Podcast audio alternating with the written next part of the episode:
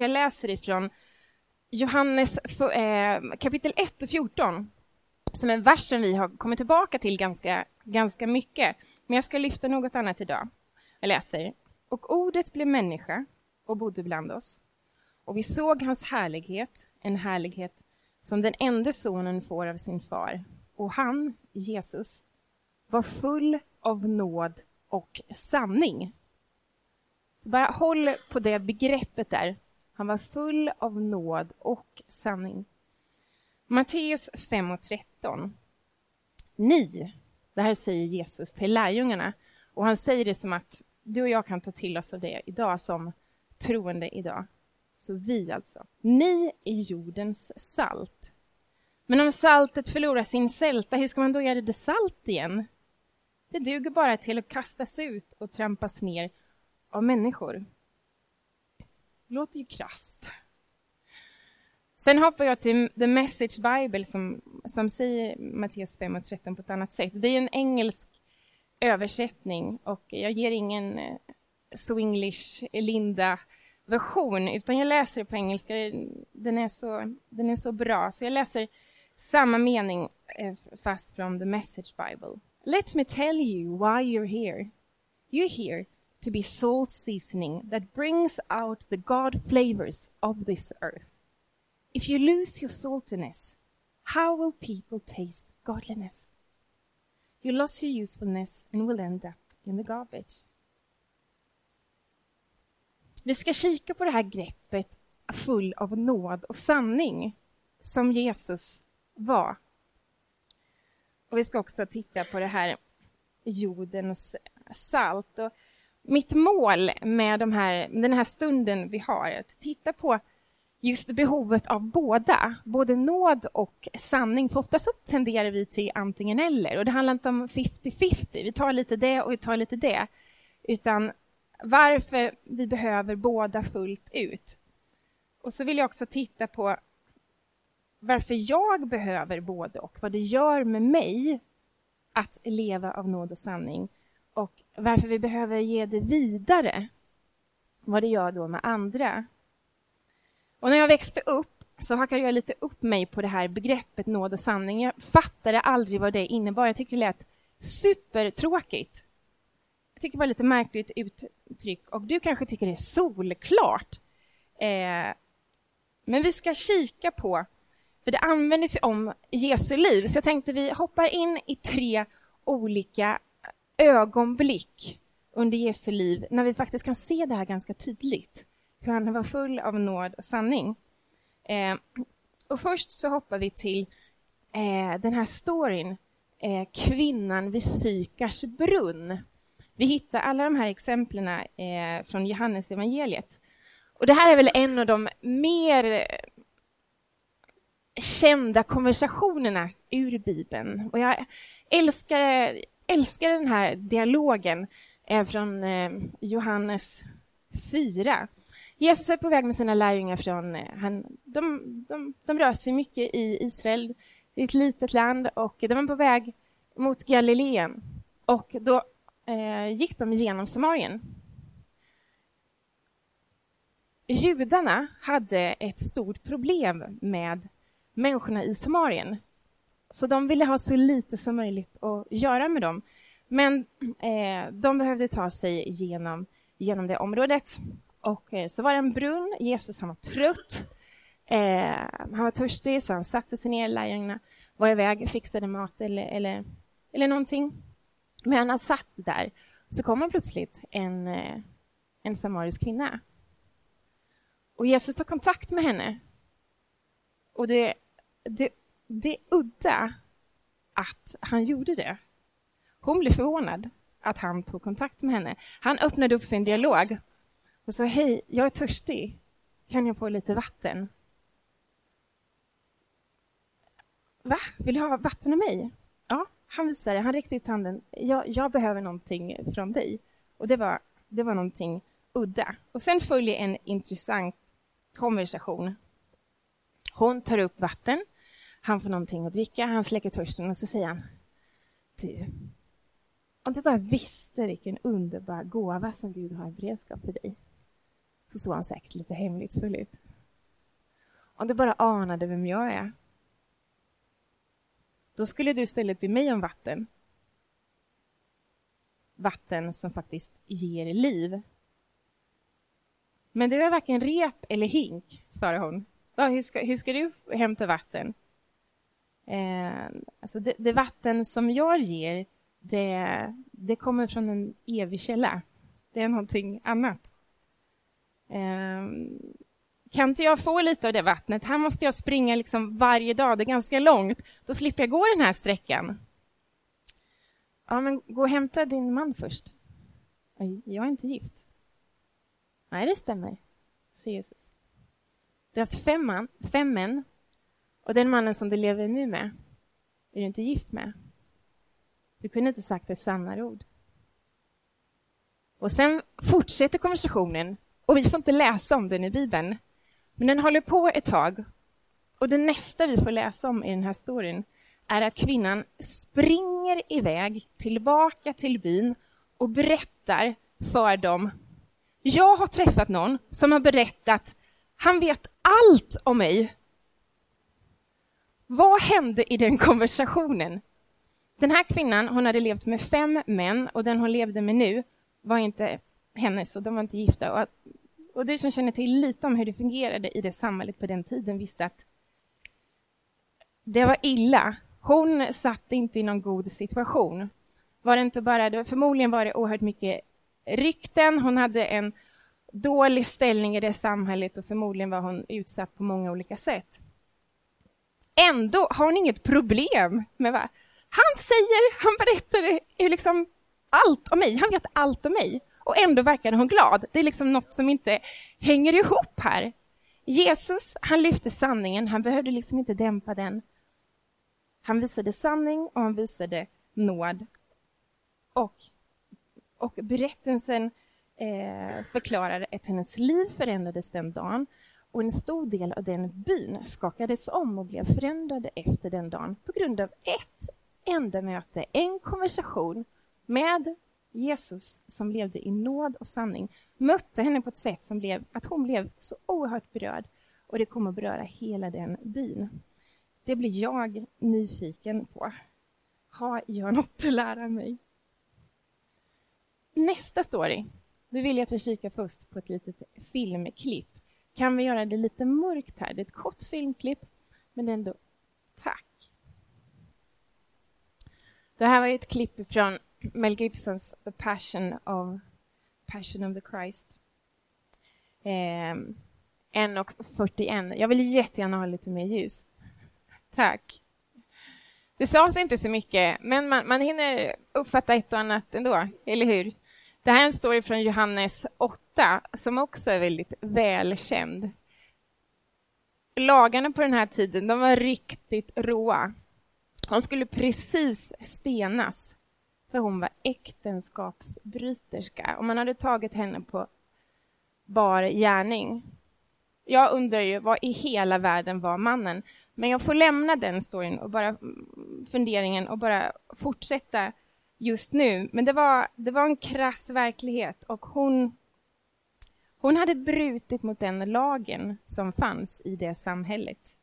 Och nu skulle hon stenas för det. Och de vi ser i bakgrunden som släpper stenarna, eh, det, var de, det var de lärde fariséerna, de som tyckte att de hade rätt att döma eh, i enlighet med sina lag, lagar. Nu skulle liksom vi ta tur med det här, hon hade gjort fel. Och Jesus han blir indragen i den här händelsen. Han hade inte bett om det, men han, de drar med honom. Och vad han gör är att han konfronterar de som står med stenarna. Han konfronterar dem med sanningen. Och han säger Go ahead. Men börja du, du som inte gjort något fel själv. Du som utan synd, kastar första stenen och vi såg vad som hände. För de insåg att okej, okay, jag har inte så mycket att säga här. Och det är det som är vackra, att Jesus kommer alltid fram till det att hallå, ni sitter alla i samma båt. Okej, okay, ni har inte gjort exakt som den här kvinnan, Men du har dina grejer att jobba med. Det är ingen som når upp till att leva ett perfekt liv. Sitter alla i samma båt. Alla här har ett behov av Gud. Eh, det finns något enormt vackert i det. Sen ser vi hur han, han lyfter upp henne och det, det sker någonting där. Det fanns en, säkert en, en del ord, det fanns säkert någon dialog där, men vi ser inte så mycket just från den här, det här klippet. Men Jesus, han, han försöker inte mildra på något vis. Nej, men det var inte så farligt, det var gjort. Eller ja, liksom, lycka till nu. Utan han, han ändrar inte på sanningen eller de kalla fakta. Att, att hon har levt ett liv som faktiskt gjort henne väldigt trasig. Eh, som gjort att hon är bruten. Hennes självbild och hennes anseende i staden, alltså det hon hade gått igenom. Alltså hon levde, hon var inte hälsosam, hon hade gått igenom mycket. Eh, så Jesus mildrar, liksom, försöker inte ändra på sanningen, men han möter henne med nåd, för han ser att hon behöver inte press här. Hon behöver nåd. Och han lyfter henne och säger att gå. Men fortsätt inte leva som du har levt, utan lev, det finns något bättre för dig. Lev på ett annat sätt. Stå och gå och synda inte mer. Han, alltså det finns något bättre för dig. Det finns något bättre.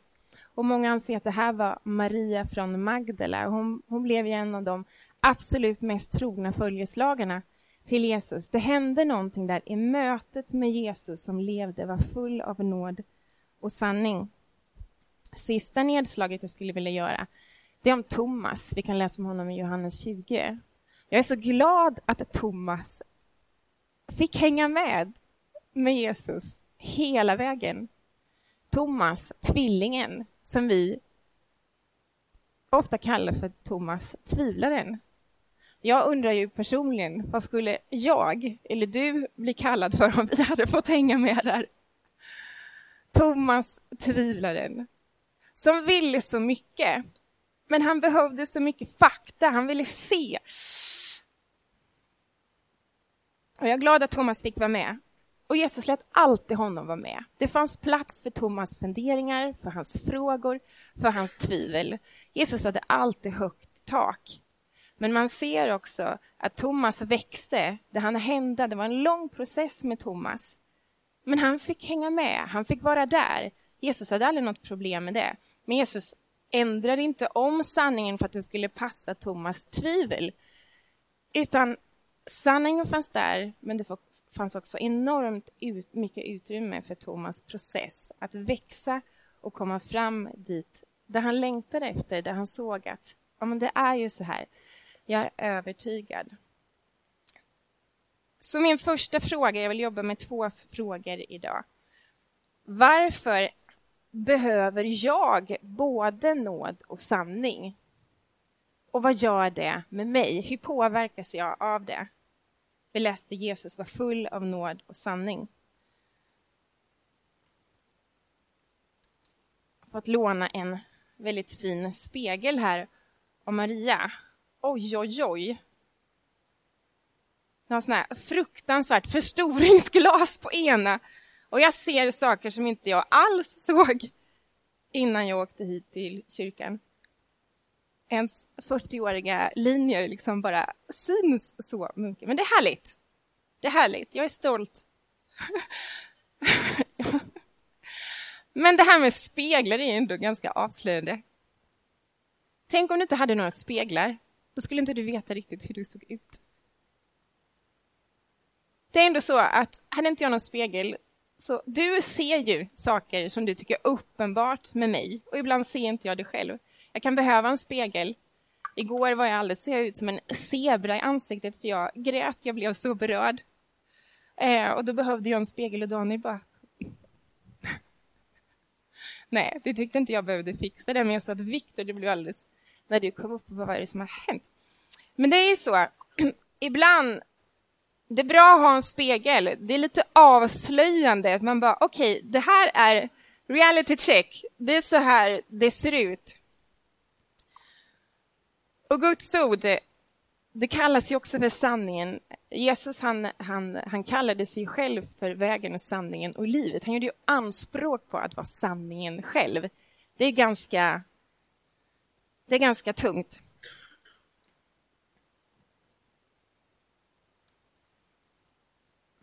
Sanningen ger ändå mig någon slags eh, insikt om var jag befinner mig. En spegel, reality check. Okej, okay, det är så här läget är. Inte bättre, inte sämre, men det är så här läget är. Och den reality checken, den behöver vi. Ta bort det, då är det svårt att veta var, var är jag nu? Och Jesus, han var inte en människa eller en person som, han sänkte inte ribban. Eh, han levde i en tid som vi såg här att otrohet hade enorma konsekvenser. Och när han pratade med männen omkring sig så sa han, okej, okay, om du är otrogen mot en kvinna, okej, okay, då sker det här och det här, liksom. då är det kört. Jag skulle säga så här till dig, om du bara tittar på en kvinna och tänker vad du vill göra med henne, då är det kört. Så han sänkte inte ribban på och så här, ja men liksom vi kör lite så här för det kan du nå upp till. Utan han, han gjorde så här. Men okej, okay, men då är det omöjligt. Det är helt kört för mig. Precis. För din, tanken är inte att du och jag ska försöka leva ett liv helt och hållet på egen hand. Det är aldrig tänkt, aldrig designat att vara så, utan du och jag är skapade med ett behov av att ha kontakt med vår skapare.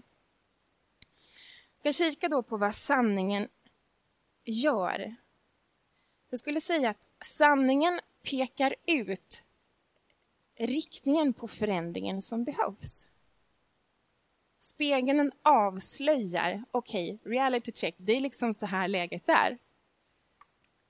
Men san sanningen som också avslöjade hjälper oss. För avslöjar inte något dåligt att få en reality check hjälper oss att se riktningen på förändringen som jag behöver i mitt liv. Och tar man bort det, då går man faktiskt lite vilse. Sanningen det är inte en fiende, det är inget hot, utan det är faktiskt god hjälp. Det, sanningen gör mig fri, står det i Bibeln. Det är någonting som befriar, och har vi inte det så, så kan vi inte bli fria. Nåden då? Skulle jag säga, nåden ger dig och mig utrymme att växa in i den förändringen. Jesus gav Thomas mycket nåd, mycket utrymme att få växa in i det som Thomas längtade efter. Han var inte där, men han längtade. Han behövde en massa olika element för att han skulle tro. Han var inte där, men Jesus bara, ta din tid. Bara var med oss, lev med oss. Jesus hade inte problem med att visa nåd. Det var en självklarhet för honom.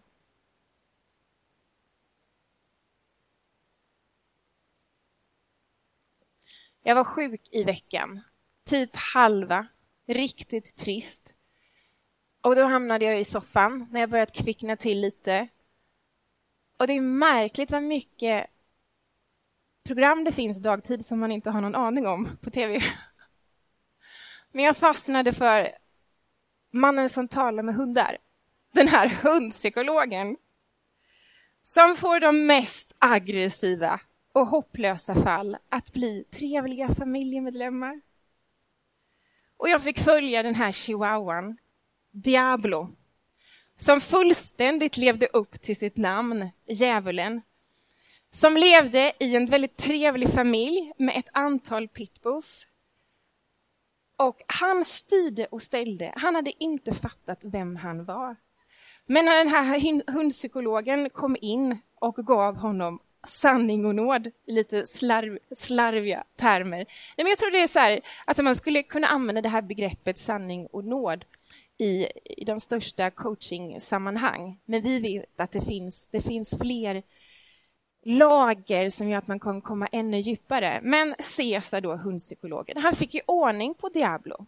Han behövde kalla fakta, det här är läget, reality check, du är här, det här är helt galet, du ska komma hit, men jag ska jobba med dig, jag ger dig kärlek, jag hjälper dig på vägen, vi tar hand om dig, vi gullar med dig, men du ska hit, förändring måste ske, för det här är inte bra för dig att stanna här. Och efter tre veckor då var ju Diablo en fantastisk liten hund, trevlig och han hade också fått ett nytt namn som han fick bära. För det är viktigt det där med identitet och vad man ska identifiera sig med. Och jag älskar sådana program. När man ser en sån här härlig, omöjlig förändring på väldigt kort tid, på 20 minuter, då mår jag bra. För så fort går det inte i vår familj, så fort går det inte när jag försöker jobba med mig själv. Så frågan, om vi bara backar tillbaka, kan vi få upp frågan som jag hade här? Varför behöver jag både nåd och sanning? Och vad gör det med mig? Vad har du fått med dig? Jag kan i alla fall märka att jag behöver både nåd och sanning för att jag ska hålla mig hälsosam och för att jag ska fortsätta på rätt riktning. På rätt riktning, framåt. Om jag inte har nåd och sanning så är det, då är det lättare att stanna av, det blir stagnation. Men har jag nåd och sanning, då hjälper det mig framåt. Det blir en utveckling. Och jag kommer fram. Fråga två jag vill att vi ska kika på. Varför är det så viktigt för andra att jag lever i nåd och sanning? För det påverkar ju faktiskt andra hur jag lever. Och när jag lever ett liv i nåd och sanning som pastor, eh, som mamma, som hustru till Daniel, som granne. Det gör det skillnad också. Det är gott för, din, för min omgivning, de påverkas av det. Vi läste att Jesus sa ni är jordens salt. Och Message som sa att ni är här för att vara den här kryddan som lyfter upp Guds smakerna på den här jorden. Och om du mister den funktionen, hur ska då människor kunna smaka det gudomliga, det gudaktiga? Hur ska de kunna se Gud i det här samhället om du har slutat att fungera i det som bringar fram det? Så jag skulle säga att det här saltet är både sanning och nåd. Och man har ju sett, det är klart man har sett eh, sammanhang och tillfällen när det bara varit viktigt att sanningen ska fram. Eh, och då vi kristna har blivit eh, bara sanningsivrare, men har tappat bort nåden och det blir väldigt hårt, lagiskt, obarmhärtigt. Och andra diket är ju att det bara nåd, det blir flummigt, det blir ja, liksom finns ingen riktning direkt och eh, det kan bli ja, hur som helst. Och båda dikena är kärlekslösa. Vad tror ni skulle hända om vi som kyrka slutar att prata om det som är sant, det som vi ser i Bibeln? Till exempel om att vi slutar prata om det här laddade ordet synd som är så konfrontativt. Vi, vi nämner aldrig det mer igen. Vad blir det för konsekvenser?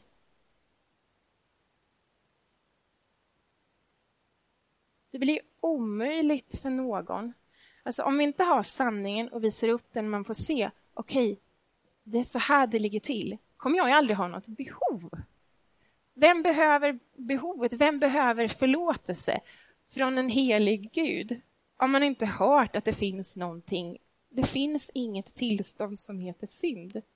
Du behöver inte syndernas förlåtelse. Evangeliet behövs inte. De goda nyheterna, vad ska du med det till? Ni är jordens salt. Det är intressant att det står är och inte ni ska fungera som jordens salt, utan ni är jordens salt. Det är också intressant att det inte bara handlar om oss själva här, utan för vem? För jorden, för världen. Vi har en funktion som ska påverka samhället och resten av världen. Min omgivning, jag har ett ansvar, jag behöver ta det. Jag kan inte bara leva för mig själv, jag kan inte bara hålla på det som jag har fått som gåva. Salt användes ju på den här tiden för också att rena. När man skulle rena så, när man ville döda bakterier, då använde man salt. Eh, det dödade. Det användes också i maten för att hålla det fräscht för att det inte skulle ruttna. Och som idag, och jag kan tyvärr inte skryta med några fantastiska kokkunskaper, men ett vet jag. Att salt, det bringar fram många andra smaker också. Och det finns, och den här helheten när man står och gör en god middag och så använder man lite salt och plötsligt känner jag oh, jag kände de här smakerna för att saltet har hjälpt till att bara lyfta andra smaker. Och tänk Gud, han är så... Han tänker alltid helhet. Han tänker helhet. Han vill att du ska vara en krydda i din omgivning. Inte du inte... Säg inte åh, att du är bättre och alla andra sämre. Det är inte det vi pratar om. Men du, du ska vara en krydda. Du ska vara ett salt. Du ska bringa fram goda smaker, Guds smaker. Smaka och se att Gud är god, säger Bibeln. Du har som uppgift att smaka, att göra skillnad, att krydda till det. Det jobbiga är ju att eh, det här med sanning eh, som hjälper att korrigera. Det är kanske är okej, okay, men det handlar om en chihuahua som heter Diablo. Men det blir lite jobbigare i vardagen hur är det så här på jobbet? Bara gå rakt in i situationen och bara bryta det här skvallret. Är det bekvämt? Det är lättare att vara tyst. Man blir inte så populär. Jag skulle säga det är enklare att bara ge nåd. Gör ett studiebesök hemma hos oss. Jag tänkte faktiskt på det när man suttit här under veckan och så hör jag Daniel och hör mig själv när barnen kommer, hörde Daniel hade ett samtal. Det är inte okej att ljuga. Aldrig! Varför gjorde du det? Sanning. Och så kommer Linda. Nej, men vad, vad hände älskling? Vad var, det, vad var anledningen till... Du, du, du, du, du, så blir, och det blir lite så här, lite så här. Du behövs båda. Och du kanske skrattar. Har ni så här speciella... Eh, du som har familj, Eh, har ni speciella här, roller? Hur är det med din mamma och pappa? Körde ni? Och jag ser några som bara, okej. Okay. Det är faktiskt mycket smidigare att bara liksom låta någon annan ta det här med det konfrontativa. Jag kör gärna det här peppet, inspirerande, lyfter. Det finns tider så, då sanningen behövs, absolut, och det finns tider då nåden behövs. Absolut, både och. Det är lite avslöjande där varför vill inte jag stöta mig? Ja, men det är så skönt att vara populär och omtyckt. Jag vill inte säga något. Men eh,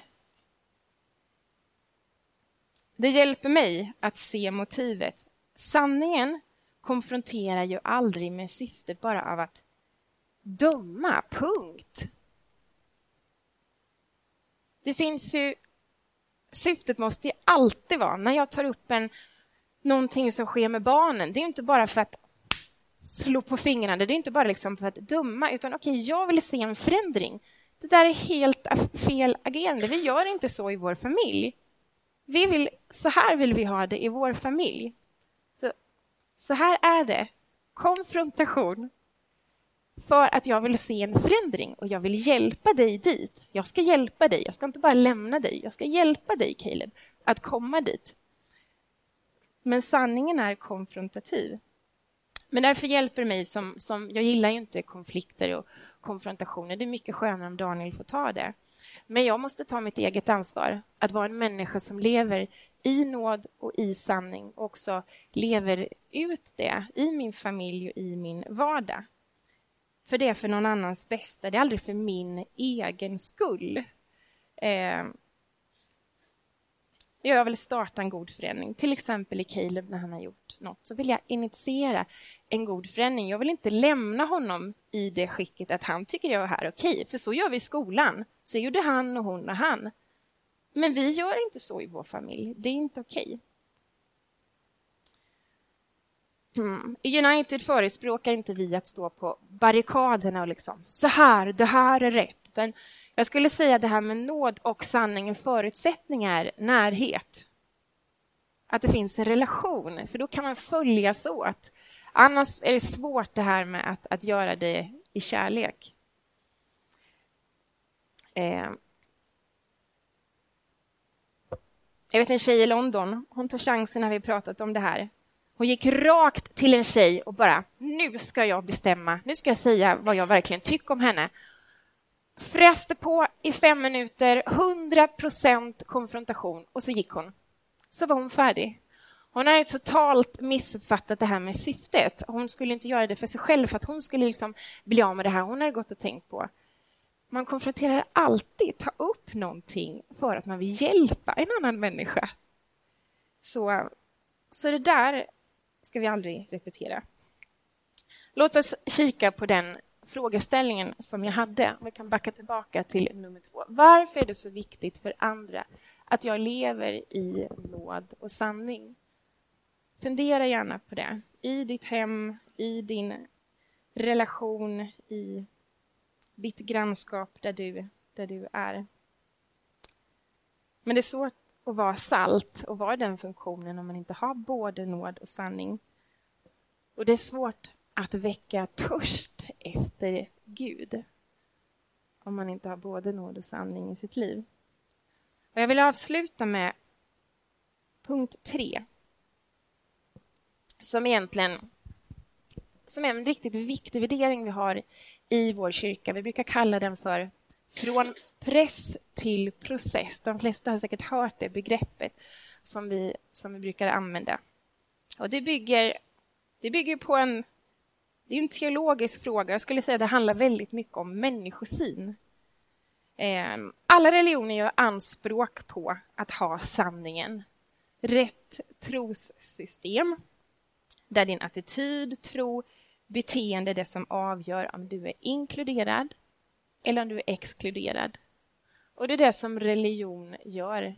Det bygger ett vi och det bygger ett dom. Och religion sätter press på att man ska ha rätt beteende. Det blir väldigt viktigt hur det ska se ut. Och det är klart att det är omöjligt att leva ha precis rätt beteende och leva upp till det där. Det leder till att det blir fasader, det leder till hyckleri. Evangeliet är helt annorlunda. För evangeliet ger nåd, ger utrymme för process i den tillväxten vi behöver som människor. Så det här ordet process, det är ett ledord för oss i vår kyrka. Eh, det är omöjligt att man får inte en stabil tro eller man kommer inte, får inte liksom koll på sig själv och alla sina utmaningar över en natt. Alltså det är ett livsverk tillsammans med sin skapare. Det tar ju ett helt liv att bli förvandlad, att bli en, eh, en människa som blir mer lik Jesus. Och Thomas, tvivlaren, som vi då brukar kalla honom. Han sa inte jag kan tro, men jag vill inte. Utan han sa jag vill, men jag kan inte än. Och Jesus hade inget problem med att ge utrymme för Thomas frågor, för hans funderingar. Och ett sånt mål vill jag ha i vår gemenskap, i vår kyrka. Här ska det vara högt i taket. Vi ska lyfta på locket med våra funderingar, med våra tankar, med våra utmaningar. Och det börjar ju alltid med mig. Jag kan aldrig kräva någonting av dig om jag inte är beredd att ge det själv. Det handlar inte om att... Alltså jag behöver vara generös eh, med mina, med mina barn om jag bara kräver massa saker av dem. Så här gör vi. Jag behöver vara öppen. Det är, jag skulle säga det nog oftare som jag får be mina barn om förlåtelse än, än, än dem. För att jag har brusat upp eller sagt något som jag sen bara, nej men Linda, kom igen. Och så får jag visa mig sårbar. Det är inte bara så att mamma vet bäst, utan okej, okay, förlåt mig, jag gjorde fel. Det är inte okej okay att mamma gör så här. Och så får jag visa, visa min brutenhet. Men jag tror faktiskt att de lär sig någonting av det. Att mamma är inte perfekt. Hon älskar oss, men hon, hon är stark för hon kan visa sina svagheter för oss barn. Och jag tror det gör någonting med dem. Det är min förhoppning. Och en process skulle jag också säga behöver press för att fortsätta, annars dör den ut. Och du kanske Några av er har kanske någon chefsposition på jobbet. Det var säkert en utmaning innan ni gick in i den. Men jag är säkert så att flera av er känner den idag. Jag är större i min... Eh, alltså, jag har utvecklats. Det har tagit mig någonstans. Den pressen jag fick av min chef att ta det större ansvaret gjorde också någonting med mig. Oj, vad jag behövde de sex månaderna att växa in i den här rollen. Det fanns en process där, men det gjorde någonting också. att Hade jag inte fått den pressen så hade jag inte stått här idag och då hade jag inte utvecklats till alltså, där jag är idag. Och Det behövs någon slags press. Tar du bort pressen från processen då, behöver, då kan du bara stanna kvar. Det behövs ingen utveckling, du behöver inte komma vidare. Jag ska avsluta med att bara berätta om eh, det tillfället när Daniel och jag stod i det läget att vi, vi funderade på om vi skulle kliva in och eh, börja det här nya kapitlet i våra liv och bli och starta en, en kyrka. Och jag ska vara riktigt ärlig med att säga att jag var inte i mitt eh, bästa skick. Hälsomässigt så skulle jag nog säga att det var nog det ristigaste jag har varit i. Jag var ganska så trött. Vi hade fått tre barn på ganska kort tid. Eh, jag hade sån enorm längtan att gå in i det här. Jag sa, Daniel, jag känner mig, jag känner mig inte rädd, men jag, jag tror inte, jag kommer liksom inte jag vet inte om jag kommer, liksom, om jag har det som behövs nu, för jag känner mig så risig. Jag var trött och väldigt sliten.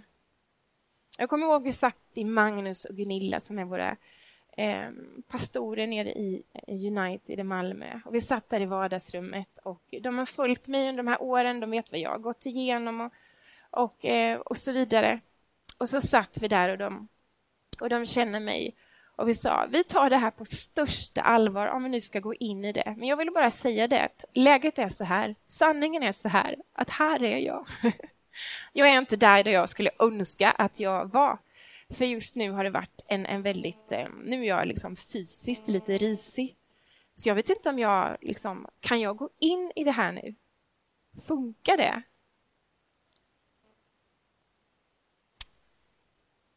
Men det fanns Gud, han är ju god och han är barmhärtig och jag är glad över att inte jag sa nej men jag vill inte ha någon press på mig utan vi bara vi avvaktar, vi bara sätter på bromsen och så väntar vi tills jag mår lite bättre. Kanske kommer att ta två, tre år. Igår hade vi en och jag bara satt och tittade på er och jag bara wow, Tänk om jag hade bara tryckt i bromsen och sa jag vill inte ha någon press i den här processen. Utan vi måste avvakta, Daniel. Jag är så glad att jag tillät mig att få lite press i den processen. Vi har fått växa in i det här. Jag, må, jag skulle säga att jag mår, jag kommer tillbaka helt hälsomässigt. Men det är så här, tre barn på kort tid, alltså det gör någonting med kroppen. Har du inte provat så gör det inte det. Men samtidigt var en fantastisk familj. Vi har tre friska barn. Vi mår så bra. Men förstår ni vad jag försöker säga?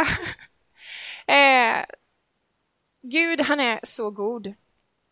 Jag ska avsluta med en bön, men eh, du och jag vi behöver leva liv där det bara finns nåd och sanning. Eh, vår omgivning behöver det. Vi behöver ta det ansvaret inför oss själva, inför Gud. Eh, och några behöver säkert komma ut lite ur garderoben också vad gäller din tro. Att vara det salt som din omgivning behöver. Jesus, tack för att du är sanningen. Att du mer och mer vill uppenbara den för oss. Att du vill hjälpa oss att ha rätt kompass i vardagen i vårt liv att det hjälper inte oss att eh, kompromissa med det här och med det där, utan du vill ge oss en riktning. Du vill alltid mer för oss. Du har väldigt höga tankar för oss och du vill inte lämna oss i det skicket vi är, men kanske beteenden eller tankemönster eller bara attityder som vi kanske fastnat i, utan hjälp oss med din sanning och bara lyfta de sakerna. Hjälp oss att ha en, en eh, miljö i vår kyrka som hjälper varandra att vara så där äkta, alltså ha det genuint. Eh, tack också att du är nåd, att du lämnar oss inte där vi är, utan du följer oss hela vägen. Med tvivel, humörsvängningar, vredesutbrott, panikångest, kanske framtidsångest eller oro. Allt finns plats i din process, men du är mån om att inte lämna oss där vi är och säga säg till när du är färdig, utan du går med oss hela vägen. Tack för din barmhärtighet, tack för din nåd och tack att du alltid är den du är. Amen.